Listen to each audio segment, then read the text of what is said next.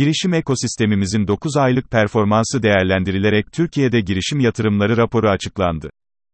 Rapor, pandemi sonrası dijital platformlara yatırımların ve ilginin yükseldiğini ortaya koyuyor. 2020 için Türkiye'deki girişim yatırım tutarı 2,2 milyar dolar. KPMG Türkiye'nin 200'den fazla işbirliği ile hazırlanan Türkiye Startup Yatırımları raporu, girişim ekosistemimizdeki gelişimi ortaya koyuyor. Her ne kadar ABD ve Avrupa ülkelerindeki rakiplerimize kıyasla biraz geri kalsak da, yerli yatırımcılarımız yeni iş alanlarına odaklanıyor. Yerli yatırımcı ve girişimcilerimizin teknoloji ve dijital hizmet şirketlerine ilgisi önemli ölçüde artmış durumda. KPMG Türkiye'nin verilerine göre, 2020 son çeyrek hariç 102 startup yatırımı, 18 hisse satış işlemi yapılmış durumda. Yılın ilk 3 çeyreğinde en büyük işlem ABD merkezli Zynga şirketinin Haziran'da Türk şirketi Peak Games'i 1.8 milyar dolara satın alması oldu.